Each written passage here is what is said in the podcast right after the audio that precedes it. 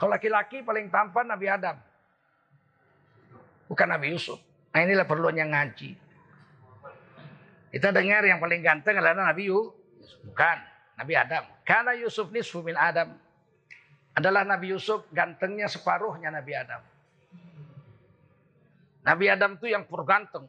Karena nggak lahir lewat rahim ibu. Wattini zaitun wa turi sinina wa hadzal baladil amin laqad khalaqnal insana fi ahsani. Sungguh telah kami ciptakan seorang manusia yang paling ganteng dalam bentuk paling cantik, paling hebat, paling sempurna, paling bagus, yaitu Nabi Adam alaihi salam. Separuh kegantungan laki-laki untuk Nabi Adam sendiri. Nabi Yusuf separuh Nabi Adam, berarti seperempat untuk Nabi Yusuf. Nabi Muhammad ditanya, ya Rasul kami ini mendengar dari Yaman sampai ke Syam, katanya yang paling ganteng Nabi Yusuf. Ya kata Nabi Muhammad, enggak Nabi Adam. Yusuf separuhnya Nabi Adam, gantengnya Nabi Yusuf. Bagaimana dengan engkau ya Rasul? Kami udah keliling juga dari Yaman sampai ke Ethiopia, sampai ke Mesir, ke mana-mana. Belum ada laki-laki yang kami jumpa seganteng Rasulullah. Bagaimana gantengnya Rasulullah dibanding Nabi Yusuf? Kata Nabi Muhammad, aku dengan Nabi Yusuf seperti rembulan dan matahari. Berarti seperempat untuk Nabi Muhammad, seperempat untuk Nabi Yusuf, separuh untuk Nabi Adam. Kita tinggal sisa-sisanya lah. Maka nggak ada yang beres yang begini lah.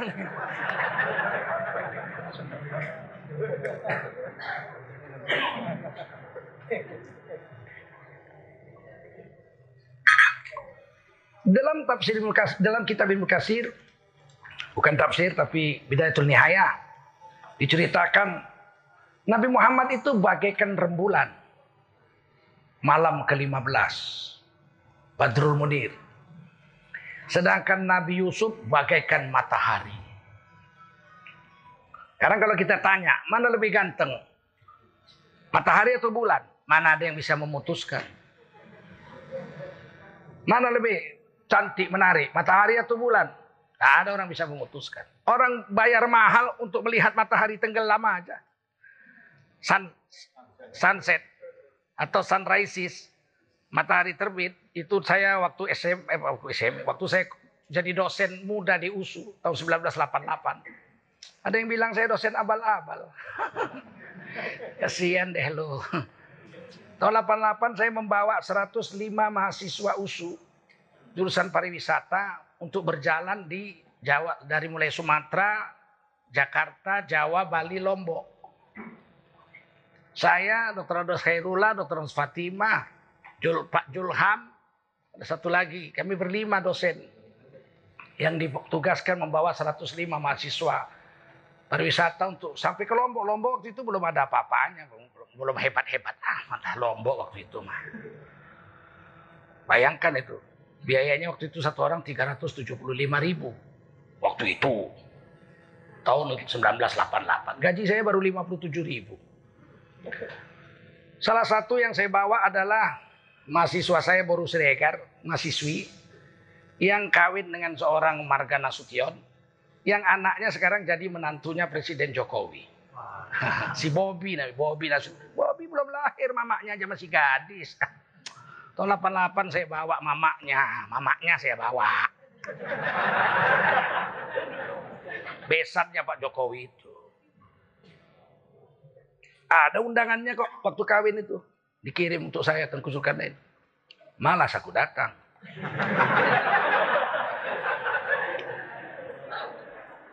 Dosennya, Wak. Ganteng pula waktu itu kan. Jadi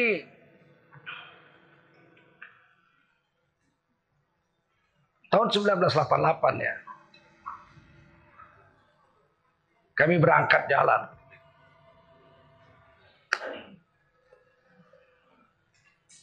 Melihat negeri Nusantara. Dari mulai Jakarta, Jawa, Bali, Lombok. Ah, perempuan.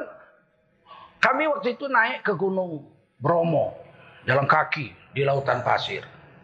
Dinginnya bukan main. Sampai puncak Bromo sempit aja, paling-paling 4 meter atau 3 meter aja itu puncaknya itu. Tipis saja. Masuk subuh. Orang kan naik ke situ mau naik lihat sunrising, mau lihat matahari terbit. Dingin, saya pakai jaket. Masuk subuh. Saya azan. Allahu Akbar, Allahu Akbar. Azan di puncak Bromo.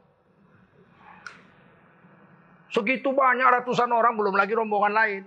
Yang sholat cuma dua orang. Dulu mana ada aqua-aqua, nggak ada aqua. Tayamum aja pakai tanah. Begitu saya sholat, nggak ada yang, saya komat, nggak ada yang sholat. Saya sholat sendiri. Tiba-tiba ada satu orang ikut di tepuk bahu saya, satu orang. Dosen dari Andalas.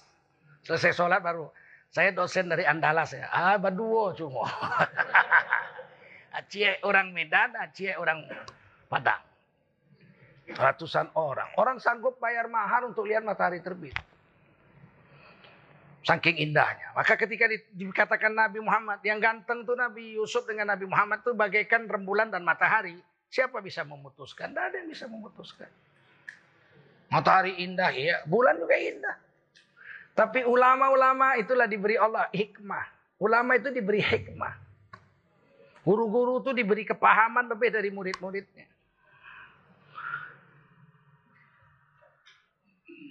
Apa bedanya matahari dengan bulan? Kalau matahari orang sibuk, bergairah. Orang kalau lihat foto Nabi Yusuf, adakah lukisan Nabi Yusuf? Ada. Dalam Bidayatul Nihaya Ibnu Kasir, ada sahabat, rombongan sahabat datang jumpa Raja Romawi. Raja Romawi bilang, kamu dari mana? Kami dari Medina. Rombongan dakwah dari Nabi Muhammad SAW, Rasul akhir zaman. Dijamu makan di istananya. Tuh bisa bisa lihat jilid 13. Kemudian raja itu besok paginya bawa satu ruangan dikeluarkan dari laci lukisan yang dari kertas sutra apa kain sutra digulung kemudian dibuka ada satu foto. Oh ini lukisan cantik sekali. Kamu tahu siapa? Nggak tahu. Diberitahu ini Nabi Adam. Oh, terus sampai Nabi Ibrahim terakhir ditarik setiap kamar itu ada satu lukisan Cari lukisan. Begitu dibuka, sahabat-sahabat, subhanallah, gambar Rasulullah di situ. Kata sahabat-sahabat, ini nabi kami. Ha, ketawa Raja Romawi, ini nabi kamu. Ya, ya, betul. Dialah nabi akhir zaman itu. Tapi sayang, raja itu nggak masuk Islam. Meskipun dia sudah simpan lukisan itu dari datuk-datuknya bertahun-tahun. Mereka tahu Nabi akhir zaman itu ada. Namanya Muhammad itu tahu. Tapi begitu datang. Falamma ja'ahum bil bayyinat. Qalu hadha sihrum mubin. Ketika datang Nabi Muhammad dengan bukti yang nyata bahwa membawa Al-Quran. Mereka katakan ini adalah sihir yang nyata. Raja itu mengakui Nabi Muhammad itu ada. Orang ada fotonya dilukis. Tetapi dia nggak mau masuk Islam. Karena kekuasaannya akan hilang dipikirnya. Dipikirnya Islam ini menggusur, padahal tidak. Raja kalau masuk Islam tetap raja dalam Islam. Khiyarukum fil jahiliyah. Khiyarukum fil Islam. Orang ketika menjadi orang hebat waktu jahiliyah. Udah masuk Islam. Tetap jadi orang hebat. Gak boleh digusur kekuasaannya. Jangan kita Islamkan gubernur terus gubernurnya kita ganti. Kita jadi gubernur. Kau kan muridku. Minggir kau. Gak ada yang aturannya begitu dalam Islam. Tapi dia takut aja. Oh, itu hadis ya, hadis Abu Nuaim dan lain-lain. Mungkin belum pernah dengar ya, Nabi Muhammad sudah dilukis jauh sebelum Nabi Muhammad lahir. Gak pernah dengar kalian, tapi kitabnya sudah disebut. Kitab Bidayah itu Nihayah karangan Imam Ibnu Katsir. Hadisnya ditulis situ riwayat. Dan saya pernah membaca itu malah masih SD. Lukisan lukisan Rasul termasuk lukisan Rasulullah Muhammad SAW itu di dalam kitab sejarah Nabi Muhammad yang ditulis oleh Syekh Zainal Arifin Abbas, salah satu pendiri Itihadiyah di Sumatera Utara di Medan. Rumahnya dekat dengan rumah saya, cuma 3 km kurang lebih. Kitab bahasa Indonesia sejarah Nabi yang paling tebal adalah karangan Syekh Zainal Arifin Abbas. Hampir semeja ini tebalnya, hampir. Seginilah, 3 per 4 meja ini. Tebalnya. Orang Indonesia yang nulis pakai bahasa Indonesia. Jadi ulama-ulama kita dulu hebat-hebat. pendiri Itihadiyah. Tahun 1934 bersama Tengku Muhammad Dahlan. Dan guru saya almarhum Sayyid Nur. Mereka mendirikan Ormas Islam Itihadiyah di Sumatera Utara. Tahun 1926 Al-Wasliyah berdiri, 1934 Al-Itihadiyah. NU nggak ada di Sumatera Utara waktu itu. Nggak ada. Nah, saudara-saudara yang mulia, kalau lihat matahari orang bergairah. Jadi kalau termasuk Nabi Yusuf, sahabat-sahabat bilang ketika ditunjukkan foto Nabi Yusuf, kami lihat wajahnya itu bergairah. Jadi kalau bahasanya begini, tidak ada orang perempuan kalau lihat Nabi Yusuf tidak naik nafsu birahinya. Tidak ada. Kalau lihat Nabi Yusuf pasti nafsu birahi, biar nenek-nenek, biar perawan pasti naik. Ada orang kayak gitu hebat nggak itu? Seperti matahari. Kalau matahari kan tidak ada orang yang santai. Kalau begitu matahari terbit apa? Semua sibuk. Ayo bapak, bapak bangun pak, bangun pak, ayo mandi. Bapak mau kerja, ayo anak-anak bangun, mandi, mandi mau sekolah, ayo ibu mau belanja, ayo semua, semua. Orang kalau lihat matahari bergairah, betul. Kalau lihat bulan mana ada, bulan purnama, ayo bangun, bangun, ada bulan, bulan, nggak ada. Kalau bulan tenang, orang tenang, lihat bulan orang tenang, syahdu. Tapi kalau lihat matahari orang ter terbakar gelora. Dan itu ditulis di Quran, saya bukan hanya di hadis. Ini pentingnya ngaji.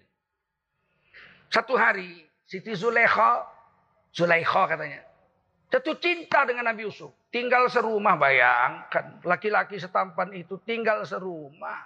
Seistana. Padahal Nabi Yusuf sejak kecil dipelihara Zulekha. Dibeli di pasar sebagai budak diangkat jadi anak angkat. Dimerdekakan dari budak diangkat jadi anak angkat. Dikasih baju bagus, kasih makan enak di istana. Bekas budak. Kan dibuang saudara-saudara Nabi Yusuf waktu kecil. Di sumur.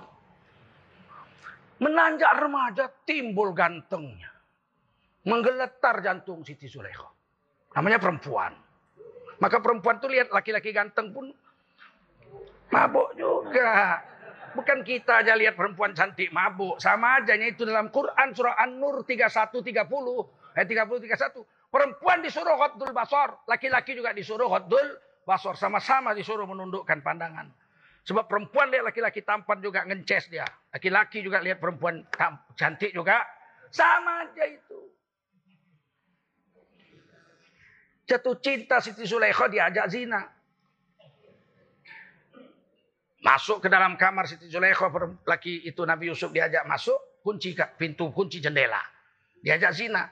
Nafsu mau. Siapa yang gak mau nafsu? Nafsu mau, nafsul ammaroh bisu. Surah Yusuf. Nafsul ammaroh mau. Tapi burhan tak mau. Ah, itulah. Nabi Yusuf ada burhan di hatinya. Bukan burung hantu, bukan. Burhan, burhan. Burhan. Bukan burung hantu. Burhan itu adalah nur. Nur yang Allah letakkan di hati seorang hamba. Kalau ada burhan di hatinya, dia bisa melihat yang mana yang hak, yang mana yang batil. Yang mana yang halal, yang mana yang haram. Bisa, bisa dia lihat dengan burhannya itu. Begitu diajak zina, perempuan ini cantik jelita. Istri raja mana ada yang jelek? Mana ada istri raja merongos? Kalau raja merongos ada, raja merongos ada. Jadi raja ada. Tapi kalau istri nggak ada.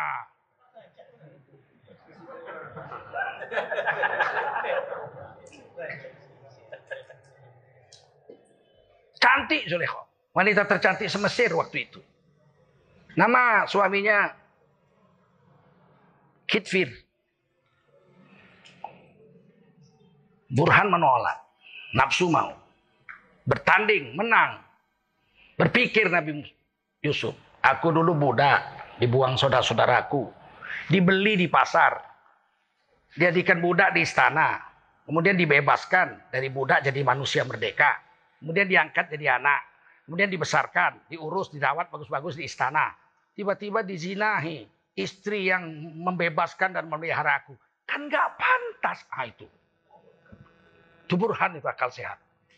Gak pantas kuzinahi. Suaminya berjasa besar terhadapku. Nggak mau Nabi Yusuf. Dipaksa lari Nabi Yusuf ke pintu.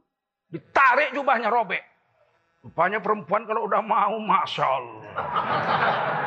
Jubah robek, mas.